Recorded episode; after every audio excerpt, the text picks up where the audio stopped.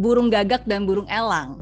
Ya, hmm, aku suka hmm. banget analogi ini karena uh, burung gagak itu satu-satunya burung yang bisa berani mematuk burung elang itu adalah burung gagak. Jadi tuh sering kali hmm. dia um, kalau burung elang lagi terbang ya dia bisa hinggap di atasnya burung elang dan dia matuk-matuk tuh tujuannya ya sebenarnya ingin ganggu aja gitu tujuannya hmm. ingin ingin ngeselin aja gitu. gitu ya. Ingin menjatuhkan gitu, ingin ngeselin aja. Nah, tapi yang dilakukan ya si elang ini nggak akan nggak akan mau gitu untuk bisa menanggapi. Dia juga nggak akan nengok berkelahi dan berantem. Karena kalau itu yang dilakukan ya berarti berarti um, apa berarti uh, tercapailah apa yang diinginkan dia kan untuk mengganggu dan mengusik gitu. Tapi apa yang dilakukan elang itu ya dia nggak perlu ngapa-ngapain, dia cukup melebarkan sayapnya dan dia terbang lebih tinggi lagi, lebih tinggi lagi dan semakin elang itu terbang tinggi, ya akhirnya semakin sulit juga untuk si gagak untuk bernafas karena nggak ada oksigen dan akhirnya sang gagak pun jadi jatuh gitu karena kekurangan oksigen. Kepercayaan diri itu adalah aspek penting dalam kehidupan kita. Tapi permasalahannya tidak semua orang memilikinya. Ternyata kepercayaan diri itu juga dibentuk dari beberapa hal yang bisa kita kendalikan. Nah, bagaimana sih mengendalikan rasa percaya terhadap diri sendiri? Karena ini adalah modal yang sangat penting untuk kita dipercaya dan mempercaya orang lain. Bagian terpenting yang membuat kita termotivasi melakukan apa yang kita kerjakan sekarang. Assalamualaikum teman-teman, selamat sore. Dan tadi kalau aku sempat bahas tentang kepercayaan diri, uh, pasti rasanya relate banget sama kehidupan kita ya kadang kita pengen melakukan sesuatu, mengambil keputusan, tapi kok kita kayak nggak percaya sama keputusan kita sendiri. Dan banyak variabel itu yang membuat kita stres selama pandemi ini. Kali ini aku mengundang sosok yang menurut aku tuh kelihatan dari setiap performnya, dari setiap uh, obrolan yang bahkan ketemu bentar aja tuh langsung ketemu gitu energinya tuh gak habis-habis, percaya dirinya tuh kayak terpancar terus. Siapakah dia yang sudah hadir di sini secara virtual adalah Mary Riana. Hai, atau Miss Mary yang biasanya akrab dipanggil. Hai, hai Mbak Analisa. Mbak Mary, alhamdulillah sehat ya Mbak. Sehat, puji Tuhan sehat. Mbak Analisa, sehat? sehat, senang banget bisa kedatangan Mbak Mary Riana di Analisa Channel nih. Padahal kalau kita lihat sosok Mary Riana ini kan selalu sibuk tapi mau meluangkan waktu sore ini. Makasih ya Mbak ya sebelumnya. Sama-sama. Aku yang thank you nih akhirnya bisa berbagi di channelnya Mbak Analisa yang luar biasa. Semoga apa yang dibagikan bisa bermanfaat ya. Amin. Amin. Mbak Mary, ini ngomong-ngomong soal channel ya, uh, YouTube. Ini kan sekarang banyak banget para YouTuber yang sekarang mereka jadi sosok menginspirasi banyak orang melalui ceritanya masing-masing. Aku ingat nih teman-teman, kenapa bisa akhirnya kenal in person dengan Mbak Mary. Satu ketika tuh aku kaget baca DM uh, eh, Mbak Mary dan grupnya gitu yang ngajakin kolaborasi buat acara Inspira Fest. Di mana aku menjadi salah satu pembicara. Seneng banget karena itu acara bisa kasih sebuah gambaran bahwa ini loh YouTube yang kita bisa belajar banyak di sini. Mungkin Mbak Mary bisa ceritain Inspira Fest. Apa sih yang membuat Mbak Mary uh, terinspirasi buat bikin Inspira Fest, Mbak? Thank you, thank you Mbak Analisa. Ya emang bener banget ya itu beberapa bulan yang lalu. Uh, jadi waktu itu aku sempat kontak Mbak Analisa juga, akhirnya kita kenalan. Dan um, sebenarnya Inspirafest ini acaranya udah tujuh tahun kita lakukan. Setiap tahun tuh selalu ada. Cuma kan sebelum ini selalu offline, acaranya offline gitu kan ribuan peserta offline. Mm -hmm. Dan khusus untuk tahun ini karena masa pandemi, ya jadi untuk pertama kalinya kita lakukan secara online. Nah setiap tahun tuh ada tema yang berbeda-beda jadi ada tema tentang entrepreneurship, ada tema tentang startup gitu. Nah, khusus untuk tahun ini uh, temanya adalah tentang content creator. Dan tema yang diambil adalah creator ekonomi. Karena kan banyak banget nih sekarang anak-anak muda pastinya terinspirasi pengen banget jadi content creator gitu. Dan ya, content creator betul. ini bu bukan cuma hobi doang ya, udah jadi profesi bahkan udah jadi ekosistem tersendiri gitu. Nah, jadi uh, makanya tapi saya selalu berpikir bahwa untuk menjadi content creator kan um, apa ya nggak semudah itu dan ada tanggung jawabnya kan bukan hanya uh, terkenal dan dikenal dan ada platform tapi bagaimana kita bisa menggunakan wadah itu menjadi sesuatu yang bermanfaat. Nah, makanya salah satu contoh yang sudah pasti adalah Mbak Analisa karena bagaimana Mbak Analisa juga bisa menggunakan platform ini untuk ya berbagi sesuai dengan uh, keunikannya dan sesuai dengan yang yang memang selalu dibagikan oleh Mbak Analisa.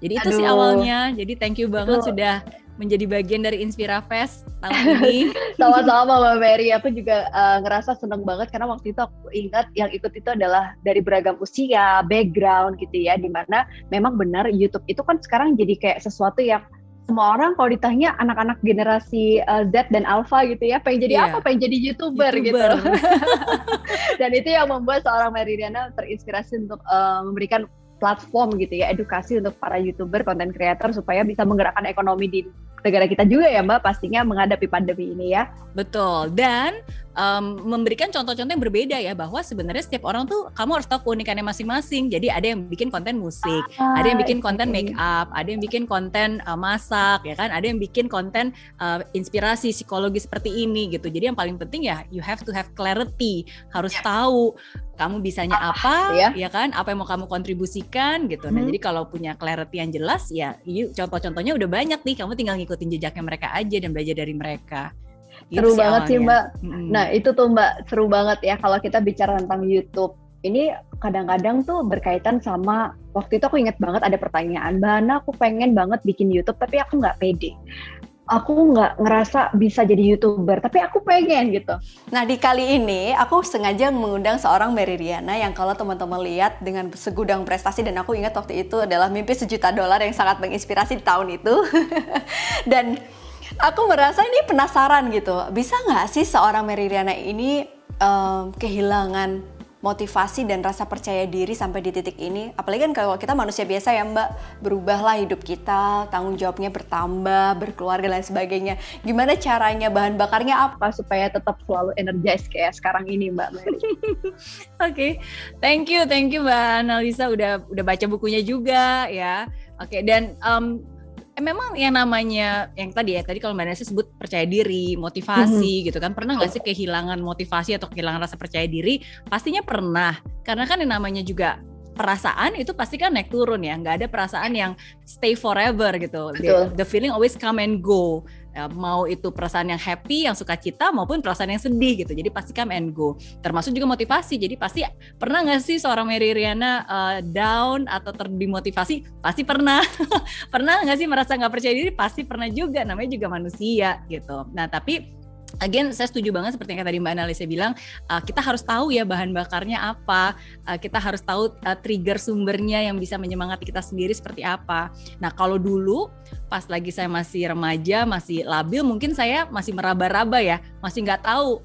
Jadi perasaan saya tuh sangat tergantung dengan keadaan gitu. Jadi kadang-kadang kan, hmm. wah aku berubah-berubah gitu. Nah, tapi sekarang setelah saya udah lebih tahu banyak, belajar banyak, ya saya saya saya tahu at least kalaupun saya merasa sedih dan merasa down ya saya akan cari tahu triggernya apa oke okay? dan okay. saya akan yang berusaha untuk bisa uh, ya apa menyembuhkan apa ya mengobati lah dalam arti ya kita kan udah tahu berarti ya kita bisa ngobatin ngob, uh, bisa tahu beberapa cara caranya gitu nah jadi tergantung dari uh, tergantung dari apa namanya tergantung sama kayak penyakit tergantung dari uh, apa, apa pemicunya gitu ya, ya. ternyata dari parahnya kalau apa masih baru bersin bersin doang ya kan berarti kan masih baru gejala atau memang udah panas demam gitu.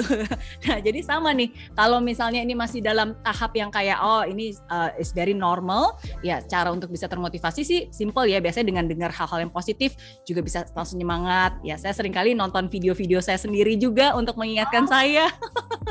Seru ya. Jadi iya kayak ketemu bahan bakarnya lagi gitu ya mbak ya? Betul, ya? dengar lagu-lagu positif gitu kan karena dengan siapa kita bergaul, apa yang kita baca, apa yang kita dengar kan itu berpengaruh banget. Nah itu itu biasa tahap awal ya. Nah tapi kalau misalnya memang udah down banget atau mungkin uh, udah apa ya udah udah agak agak sulit nih kan kita tahu kira-kira seperti apa perasaannya. Nah, of course hal-hal yang eksternal itu nggak cukup sih. Biasanya caranya saya saya harus bisa mengeluarkan dan meng mengetahui ini apa yang saya rasakan dan kenapa. Dan saya bisa either saya menceritakan itu biasanya ke suami saya because he knows me better than myself sering kali ya kan. Dan ketika saya cerita ya saya bisa lebih merumuskan dan mengidentifikasikan. Nah, kalau saya bisa mengidentifikasikan akan lebih mudah untuk saya bisa um, bisa move on ya. Karena yang lebih sulit itu ya saya juga nggak tahu nih apa yang saya rasakan dan apa triggernya. Dan sekali itu yang membuat kita jadi terjebak dalam perasaan seperti itu. Ya nah jadi uh, biasanya seperti itu sih cerita ngobrol. Dan kalau bener-bener udah nggak bisa tertolong lagi atau udah nggak ada jawabannya ya biasanya cara yang paling selalu ampuh adalah ya dengan berdoa dan berserah. Iya, karena kan dia yang paling tahu, dia yang maha tahu, dan dia yang selalu punya jalan untuk setiap kesulitan kan. Mm. Uh, Mbak itu bener ya. Emang kalau motivator itu baru satu paragraf aja udah langsung memotivasi gitu ya Mbak.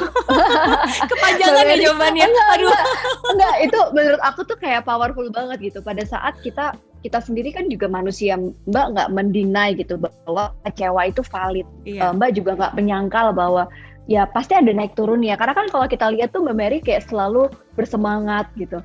Pernah nggak sih ada satu titik uh, mungkin aku pengen pengen flashback ke ke cerita tahun 98 kalau aku baca buku yeah. itu Mbak Mary kan akhirnya memutuskan untuk pergi ke Singapura karena sebuah kondisi yang waktu itu adalah uh, krisis. Boleh yeah. Mbak sedikit uh, aku pengen flashback ke situ. Pada saat titik terendah kan pasti biasanya akan jadi turning point kita ya untuk hmm. lebih percaya diri gitu flashback ke tahun itu apa yang membuat Mbak akhirnya bisa berhasil melewati perjuangan itu Mbak? Iya, um, yes betul ya titik terendah itu bisa menjadi titik balik kita ya. Uh, tapi kalau saya bisa bilang titik terendahnya pada saat itu bukan pas lagi kerusuhan 98 di Jakartanya, tapi mm -hmm. ketika gara-gara kerusuhan 98 akhirnya saya harus pindah ke Singapura sendiri merantau dan uh, hidup apa ya penuh dengan keterbatasan di sana justru ya. Ketika saya sendiri di sana itu yang menjadi titik terendah saya. Karena pada saat itu terus terang saya nggak ngerti apa yang terjadi di Indonesia. Saya nggak tahu kenapa tiba-tiba hmm. bisa terjadi seperti itu. Karena kan namanya juga anak baru lulus SMA ya. Yang biasanya kita ngeliat kiri kanan semua baik-baik saja gitu kan. Kok tiba-tiba ternyata seperti itu gitu. Nah dan akhirnya ya karena orang tua uh, waktu itu cukup khawatir dengan kondisi masa depan dan kebetulan juga uh, pada saat itu pemerintah Singapura mengulurkan bantuan kepada beberapa pelajar di Jakarta. Nah, hmm. jadi karena dari sekolah saya cukup sekolah unggulan dan saya juga rajin belajar SD SMP SMA selalu uh, ranking lumayan Keren banget sih. Ya. Nah, hmm. jadi akhirnya ya udah saya diterima di universitas di sana. Nah, jadi dapat kesempatan untuk kuliah di sana tapi kan nggak ada uangnya. Dan akhirnya baru keluarga cari pinjaman sana sini dan akhirnya dibantu juga dengan pemerintah Singapura. Ya udah akhirnya terbanglah saya ke Singapura gitu dengan biaya hutang. Nah hmm. dan di situlah mulai jerninya ya. Jadi uh, di situlah bahwa ternyata saya sadar bahwa uangnya nggak cukup hutangnya nggak cukup dan saya juga nggak mau membebani orang tua. Dan pada saat itu kan belum ada kayak WhatsApp internet ya, ya, kayak gini. Jadi saya juga pernah mau sepi gitu ya, kesepian iya, kesepian dan, gitu ya. Dan saya juga nggak bisa eh, nggak uh, nggak mau cerita ke orang tua kan, mau cerita juga kan kalau misalnya Takut susah khawatir. dan saya tak nggak mau membebani mereka juga gitu. Nah jadi ya di awal-awal itu sih mungkin yang hidup um, penuh dengan keterbatasan, apalagi masih muda sama sekali nggak tahu gimana. Um, ada saat-saatnya di mana pada saat itu ya saya merasa hidup ini nggak adil. Saya merasa uh, saya adalah um, apa ya korban. Saya ngerasa bahwa teman-teman yang lain kok hidupnya lebih enak gitu dan hmm. dan lebih banyak komplain dan dan apa ya dan mengasihani diri sendiri gitu. Nah, sampai hmm. suatu hari ketika saya ulang tahun ke-20 Nah itulah titik baliknya. Di situlah saya sadar bahwa nggak ada gunanya saya berkeluh kesah gitu. Hidup saya adalah tanggung jawab saya gitu. Nggak ada gunanya menyalahkan keadaan um, dan ya di situlah akhirnya saya memberanikan diri untuk bermimpi besar untuk hidup saya gitu nah hmm. jadi uh, itu sih yang akhirnya dari masa tersulit uh, menjadi titik terendah menjadi titik balik ya Ya, tapi belum belum balik sih, baru-baru titik balik aja untuk bisa bergerak. Iya, tapi hmm. hmm, iya, tapi jadi di situlah mungkin awalnya ya, bagaimana saya percaya.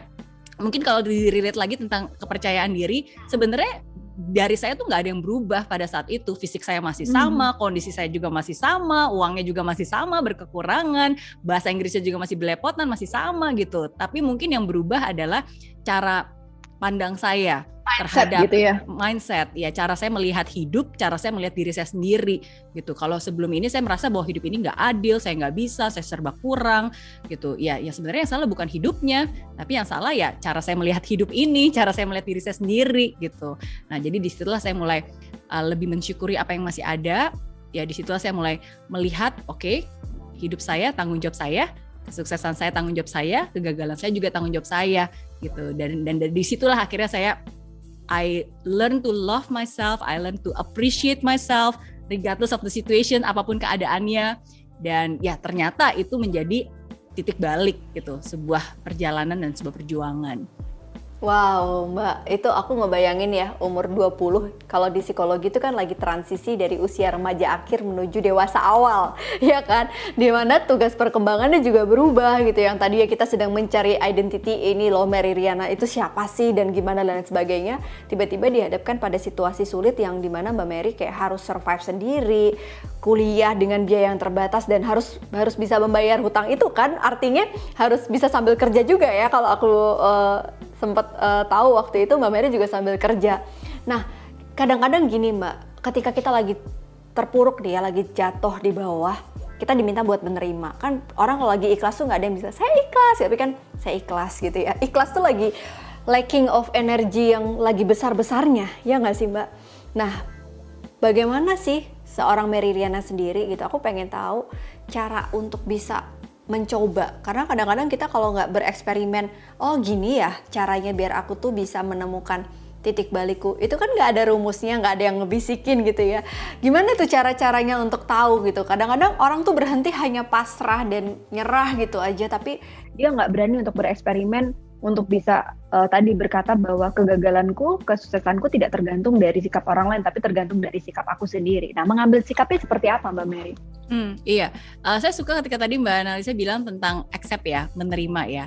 Karena ketika kita masih denial, masih enggak saya enggak gini saya oke okay, sih itu ya itu akan sulit untuk berubah ya kan karena ya. perubahan kan berawal dari sebuah kesadaran gitu. Nah jadi satu saya sadar, saya tahu uh, dan dan saya sadar dan saya percaya satu hal. Mungkin ini selalu kembali ya di saat kita berada di titik terendah itu kayaknya kita selalu kembali ke ke akar kita.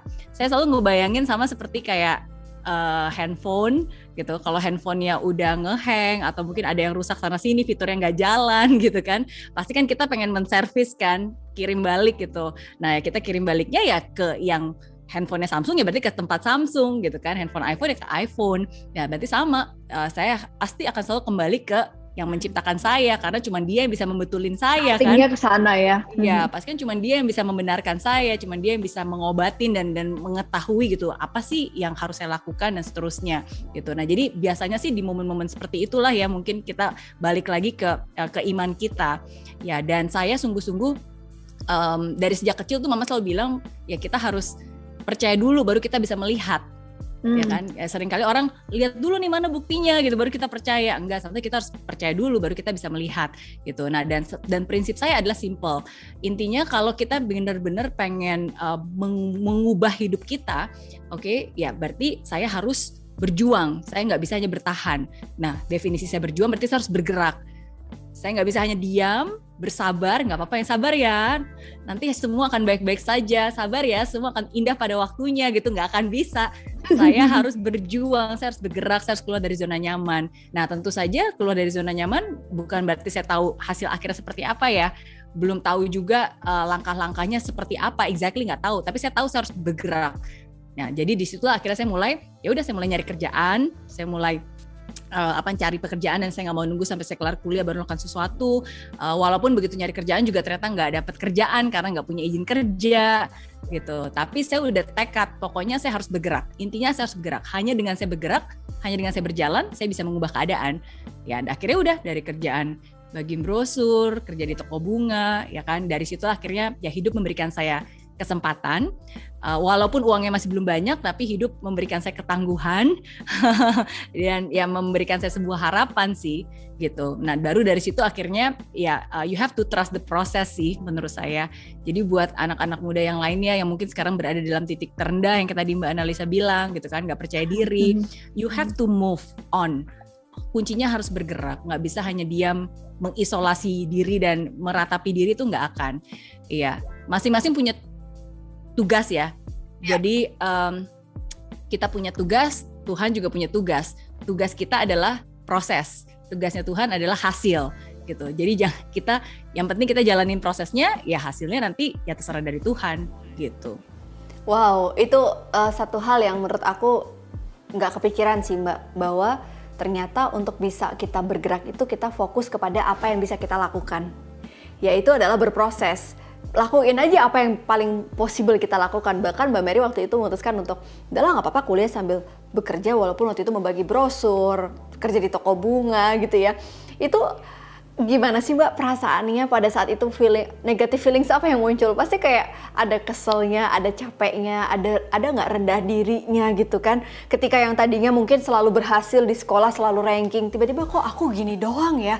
Ada nggak sih Mbak? Karena aku pribadi tuh ada pernah di momen yang kayak what ini tuh berat banget kok aku gini sih gitu apa yang waktu itu terjadi mbak di iya. usia 20-an ada ada pasti pasti ya tapi mungkin bukan lebih ke rasa uh, capek tapi lebih ke lebih kayak pandangan teman-teman gitu kan. Ya, Karena kan betul. banyak dari mereka berpikir, "Ih, kok maunya sih uh, begin brosur gitu? Kamu kan mahasiswa, kerja kantoran kayak ngapain kayak gitu kan?" Atau enggak misalnya kayak "Eh, ngapain sih susah-susah. Jadi sebenarnya lebih kayak uh, komentar-komentar seperti Oh, itu ya? sih, betul. Betul. Uh, uh, dan kalau apa misalnya yang kayak dilakukan?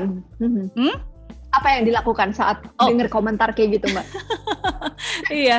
Nah, nah itu. Jadi kalau buat saya sih nggak perlu dibalas, is okay, nggak apa-apa, nggak masalah. Tapi ya di situlah mungkin buat saya em, dibutuhkan kebesaran hati ya. Maksudnya, again kan saya udah janji kepada diri saya sendiri. Pokoknya saya harus bergerak, eh, saya harus ber- saya harus terus em, menghargai prosesnya gitu.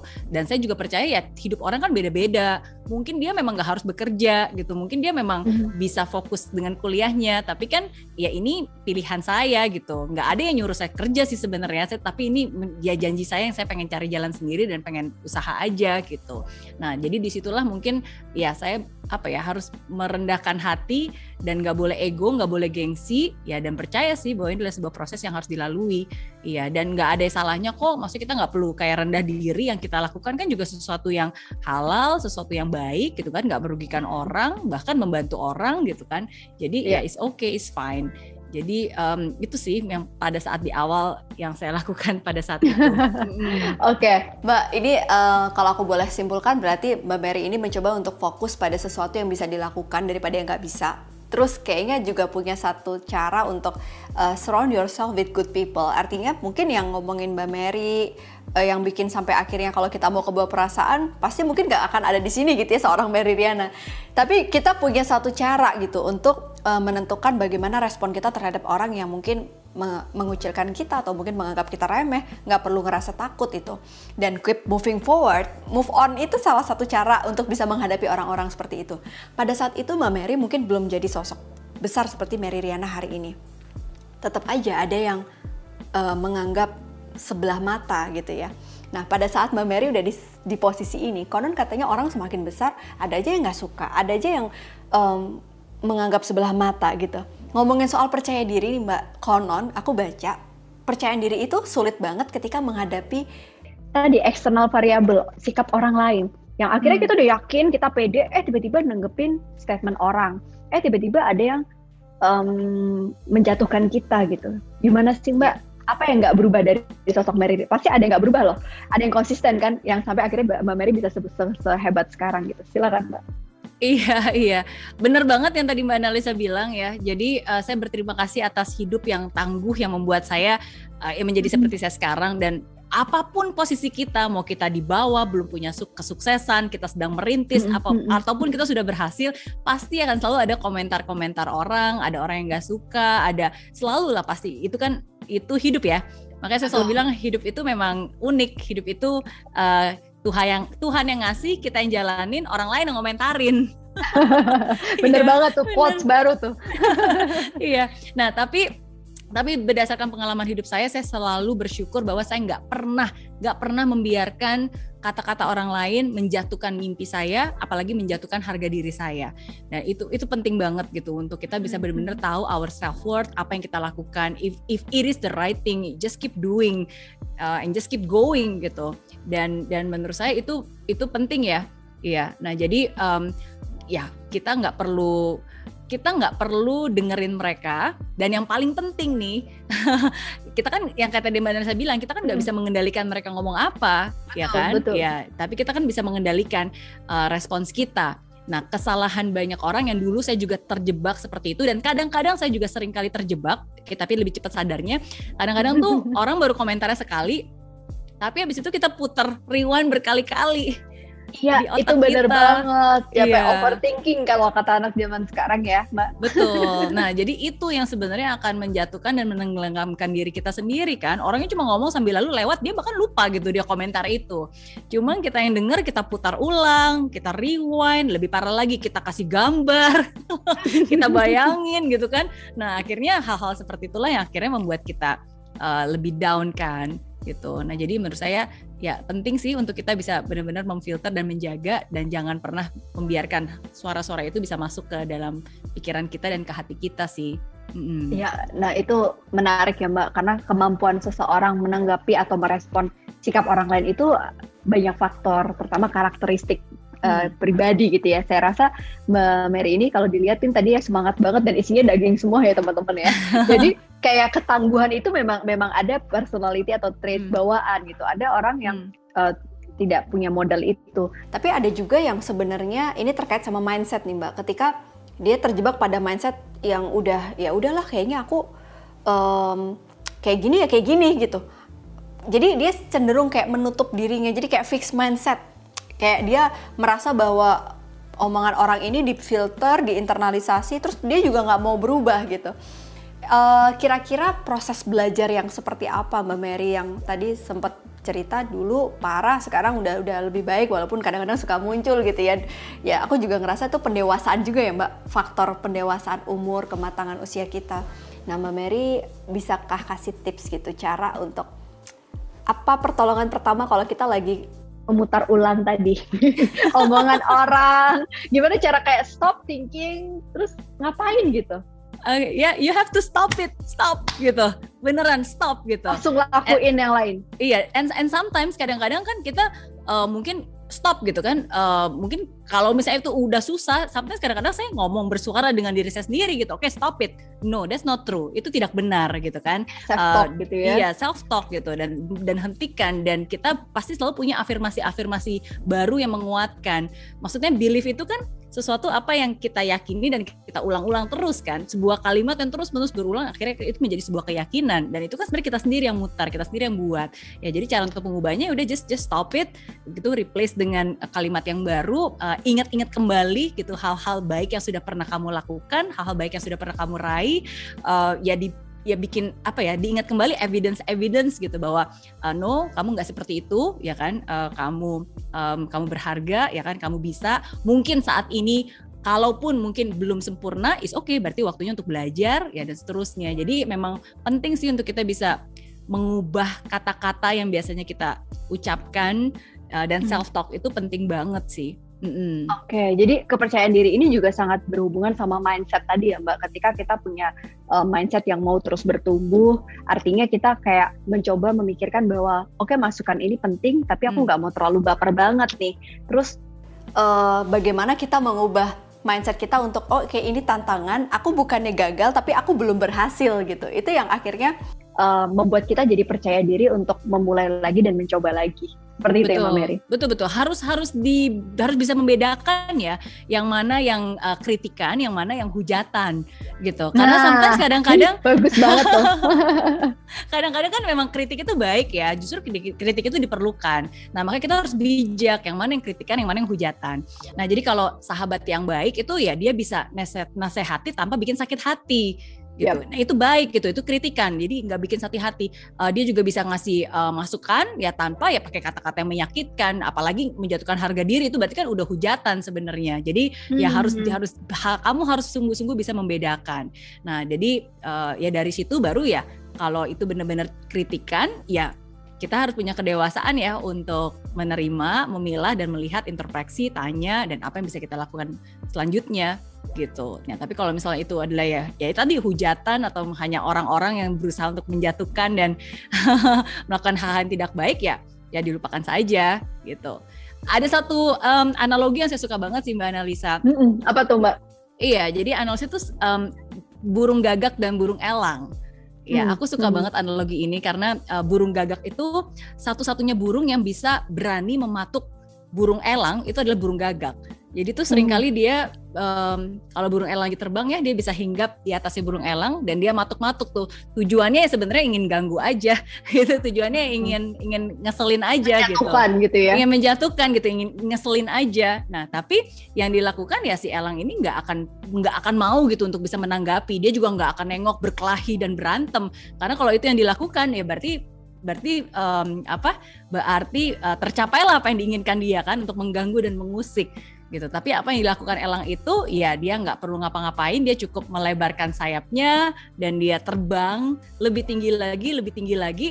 Dan semakin elang itu terbang tinggi ya akhirnya semakin sulit juga untuk si gagak untuk bernafas karena nggak ada oksigen dan akhirnya sang gagak pun jadi jatuh gitu karena kekurangan oksigen.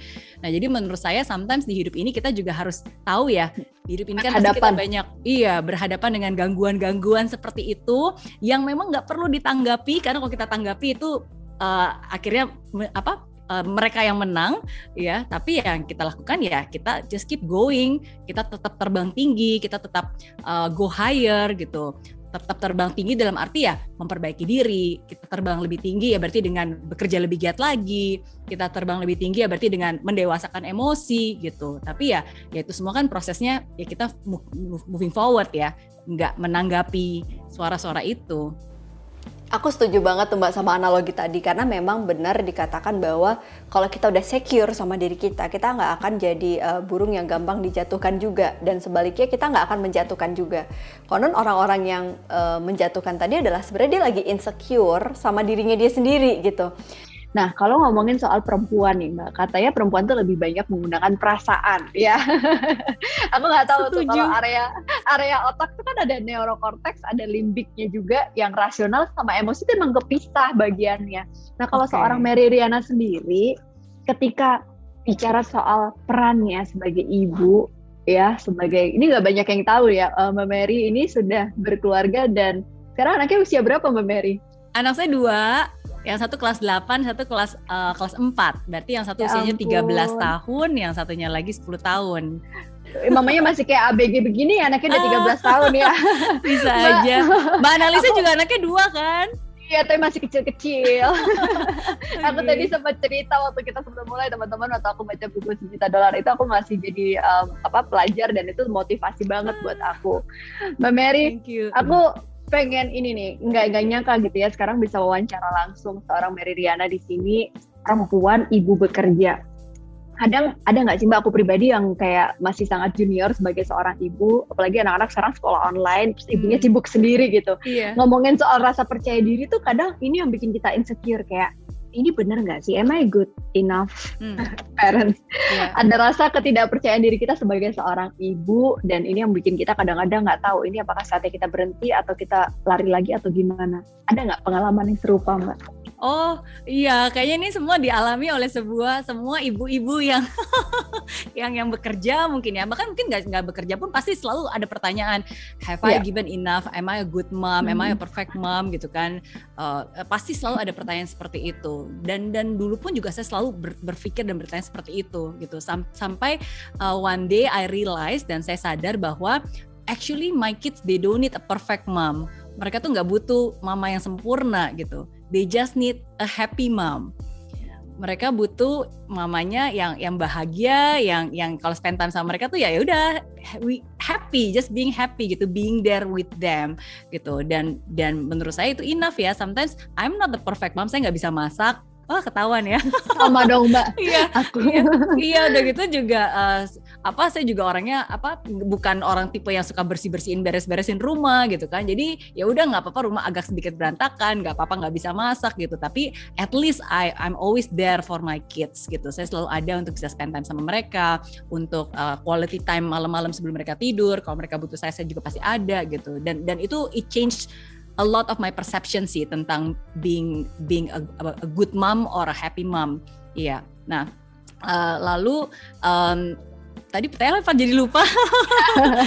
jadi Terus, ketika dilema, hmm? ada rasa percaya diri yang tiba-tiba tuh kayak um, ya tadi merasa bener nggak sih ini karena hmm. mungkin kan uh, ada perempuan lain yang oh. ya ini ngomongin soal kolaborasi dan kompeten apa mbak kompetisi gitu ya karena kadang-kadang yang menjatuhkan itu kan pasti dari mereka yang posisinya berbeda gitu jadi yeah, akhirnya kita yeah. jadi kayak ngebandingin pernah nggak sih ada ada oh. situasi yang yang ngebandingin dengan ibu yang lain atau dibandingkan dengan ibu yang lain seperti itu oke okay, betul Thank you, thank you buat pertanyaannya. That's very real. Uh, makanya saya bersyukur dari dari awal saya selalu percaya bahwa uh, ketika saya waktu itu menikah dengan suami saya, ya iyalah ya masa menikah dengan jadi ketika saya menikah waktu itu membangun rumah tangga oke okay, hmm. jadi kita tuh selalu punya um, um, kita make a decisions and make a commitment. Jadi kita selalu bilang oke okay, semua orang itu pasti akan punya caranya masing-masing. Orang tua kita punya caranya masing-masing mertua saya juga punya caranya masing-masing tetangga juga punya caranya masing-masing dan itu pasti berbeda. Nggak ada hmm. yang sama nggak ada yang benar nggak ada yang salah. Yang ada yang yang mana sesuai dengan konteksnya gitu yang mana yang kamu yakini. Nah makanya dari awal ketika waktu kita menikah dan waktu itu belum punya anak tapi ya kita decide whatever happens itu ya kita harus bisa mendesain uh, peraturan kita sendiri. Kita harus bisa mendesain bagaimana nih cara kita mau mendidik anak kita, yang mana yang hmm. terbaik buat anak kita. Jadi um, jadi ya selalu cara yang paling benar adalah cara yang memang sesuai dengan ya keluarga kita gitu. Yang mungkin berbeda dengan orang-orang gitu. Tapi tapi dengan seperti itu um, ya saya tahu dan saya yakin bahwa ya saya nggak apa ya saya nggak nggak nggak akan ngerasa uh, sedih atau dibanding-bandingkan is okay karena ya this is this is our family kan? Kita punya ininya sendiri kita punya peraturan sendiri kita punya caranya sendiri gitu. Tapi yang paling penting uh, itu harus selalu dikomunikasikan. Tapi komunikasikan dengan siapa? Berarti ya dengan dengan suami dan dengan anak-anak. Support system ya. Support hmm. sistemnya dan maka kita selalu cek juga ke anak kita gimana what do you think? Saya selalu melibatkan mereka. Apalagi sekarang kan mereka juga udah kelas 4 kelas 6 ya udah bisa hmm. eh kelas 4 dan kelas 8 udah bisa dilibatkan gitu untuk beberapa decisions. Kadang-kadang beberapa kali juga kita kita uh, tukar pikiran gitu kan. Ah, saya pengen tanya pendapat mereka gitu. Jadi menurut saya uh, itu sih yang paling ya at least itu cara yang paling uh, kita yakini dan kita jalani sampai hari ini gitu yang, yang membuat kita bahagia. Dan sering kali saya juga tanya ke anak saya um, kamu mau mama kerja atau di rumah aja ngurusin kamu 100%? Iya apa tuh? Kata mereka apa tuh? Iya, mama harus kerja. Pokoknya mama harus kerja. Ah. Iya, terus saya bilang enggak karena kamu nggak mau diurusin mama gitu kan ya. Dia bercanda lah, dia bilang enggak kok kita juga bisa ya kan nanti. Uh, tapi again karena saya melibatkan dengan mereka, saya karena saya tahu gitu bahwa um, dari kecil ya dari kecil gitu dan dia tahu bahwa mamanya kerja tuh ya memang karena dia dia pengen ya itu ini menjadi wujud karyanya saya gitu. Saya harus yeah, yeah. bisa mendu something. Jadi mereka juga tahu bahwa kerja itu bukan bukan beban gitu dan mm-hmm. dan mereka juga menyukai hal itu. Uh, uh, jadi itu sebenarnya lebih kayak uh, apa ya? It's, it's good to hear from them. Dan saya juga bilang sih, tapi kalau misalnya suatu saat kamu um, merasa atau apa pun juga ya you have to tell me gitu. Mm-mm. Tapi mereka sih lebih pengen nggak apa-apa pokoknya mama kerja aja biar nanti kita bisa uh, jalan-jalan. Jadi itu salah satu um, apa ya mbak motivasi juga ya bahan iya. bakar yang tadi sempat kita bahas di awal bahwa setiap orang pasti punya alasan, setiap orang punya uh, satu nilai yang dipegang gitu ya sampai akhirnya seorang Mary Riana yang membagikan motivasi pun juga kadang motivasi itu nggak nggak selalu ada terus tapi recharge-nya dengan tadi kembali ke keluarga tadi mungkin itu uh, yang uh, Mbak Mary bisa ceritakan teman-teman dan aku rasa pasti setiap diri kita itu dilahirkan dengan satu tanki yang berbeda. Nah pada saat tankinya kosong nih Mbak terakhir apa yang pengen uh, Mbak Mary bisa katakan kepada orang-orang di teman-teman subscriber Alisa Channel kalau motivasi kita lagi hilang, kita lagi ngerasa stuck dan kehilangan arah gitu. Gimana kembali memunculkan rasa percaya terhadap diri dan motivasi itu seperti apa? Silakan Mbak Mary. Iya, uh, saya percaya bahwa everyone have their own time ya. Um, mm. Kan tadi saya juga bilang bahwa uh, setiap emosi, setiap perasaan itu nggak akan bertahan selamanya gitu, pasti mm. come and go gitu. Dan setiap mm. orang pasti punya masa kadar luar saya sendiri gitu. Kita yang menentukan. Jadi saya nggak bisa bilang dan saya juga nggak mau bilang bahwa oh, oke okay, kamu harus cepat move on satu hari mm. maksimum. Mm. Kalau nggak nggak baik nggak, is oke. Okay. Tapi yang paling penting adalah ya kamu harus benar-benar um, apa ya mengenali dan tahu bahwa pada akhirnya semua itu pasti akan baik-baik saja.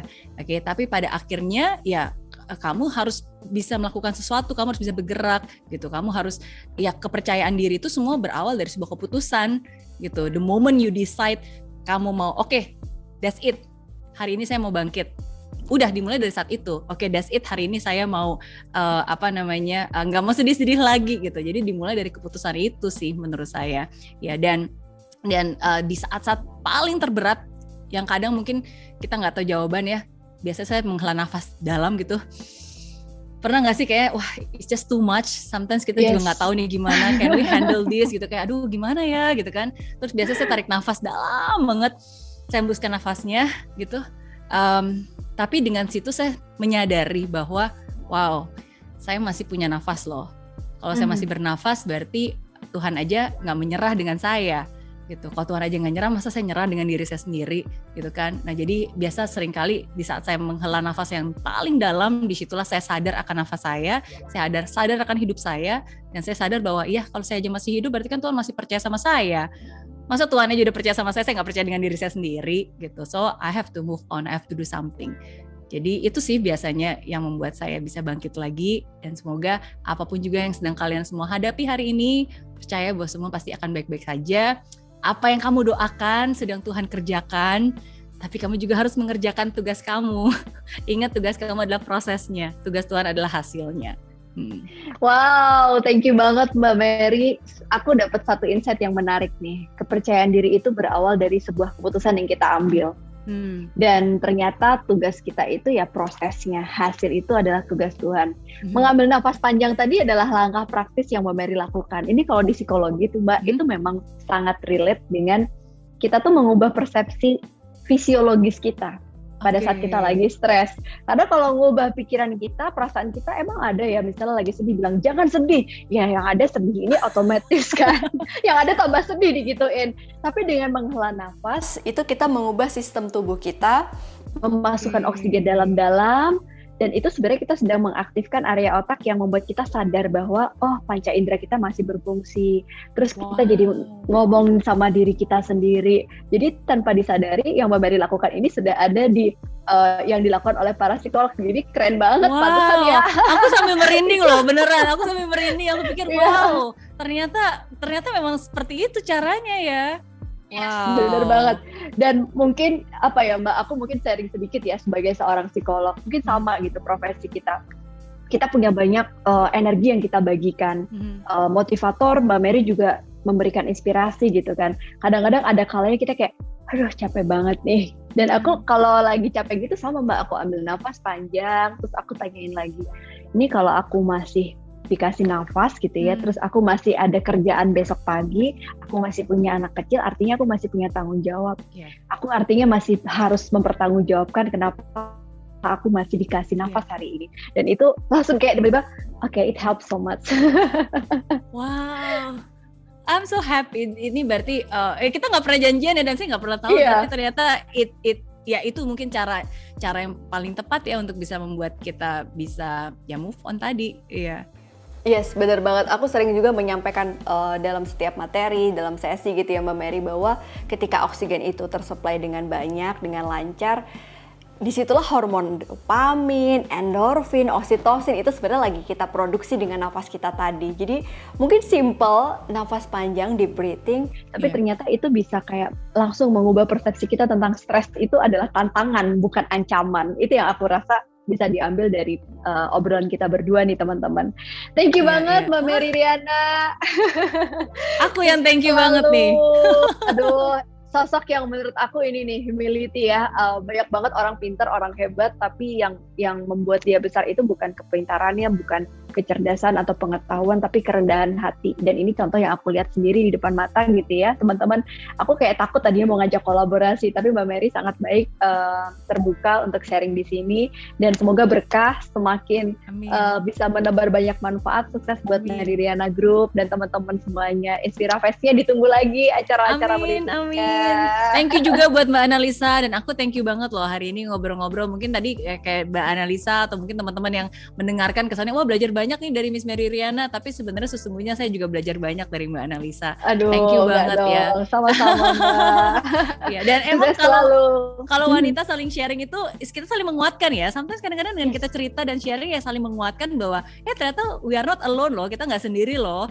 Itu juga yeah, dilalui yeah, oleh bener. oleh banyak orang, dilalui oleh dia juga gitu. Jadi kesannya kayak uh, bukannya kita nggak normal tapi ya memang this is something that it happens to a lot of people Iya, jadi kalau Mbak Analisa bisa, Mary Rana bisa, kalian semua penonton dari Mbak Analisa Channel pasti bisa juga. Yeah, thank you banget Mbak Mary. Sama-sama. Semoga sehat selalu ya Mbak. Thank Amin. you teman-teman. Oke, okay, jangan lupa juga kalau Mary Riana Channel pasti semua udah subscribe juga ya. Mungkin teman-teman uh, ada yang mau disampaikan Mbak Mary uh, kalau kita mau join ada kelas atau apa yang mungkin lagi dibikin sama uh, Mary Riana Group mungkin bisa di-share di sini supaya teman-teman bisa dapat banyak ilmu lagi. Oh, Uh, thank you. Uh, mungkin langsung dicek aja bisa subscribe ke channel YouTube Mary Riana atau enggak ke Instagram. Ya biasanya lebih banyak detail update-update di Instagram sih. Ya, tapi ya semoga semua yang saya bagikan juga bisa bermanfaat. Ya, uh, walaupun kita di dunia maya tapi kita bisa saling connect with each other ya. yes, benar banget. Oke, okay, kalau gitu. Thank you teman-teman. Jangan lupa kalau kamu suka sama video ini, kamu bisa uh, bagikan sebanyak-banyaknya dan juga uh, subscribe Meridiana Channel pastinya dan juga Nasa Channel. Thank you. Bye, selamat sore. Assalamualaikum. Nah, itu tadi tips dari Mbak Mary Riana dan aku yakin percaya diri dan motivasi ini sebenarnya dua aspek penting dalam kehidupan kita. Nah, semoga apa yang kita obrolin tadi bisa jadi manfaat buat kalian semuanya ya. Thank you for watching dan sampai jumpa di episode berikutnya. Bye, Assalamualaikum.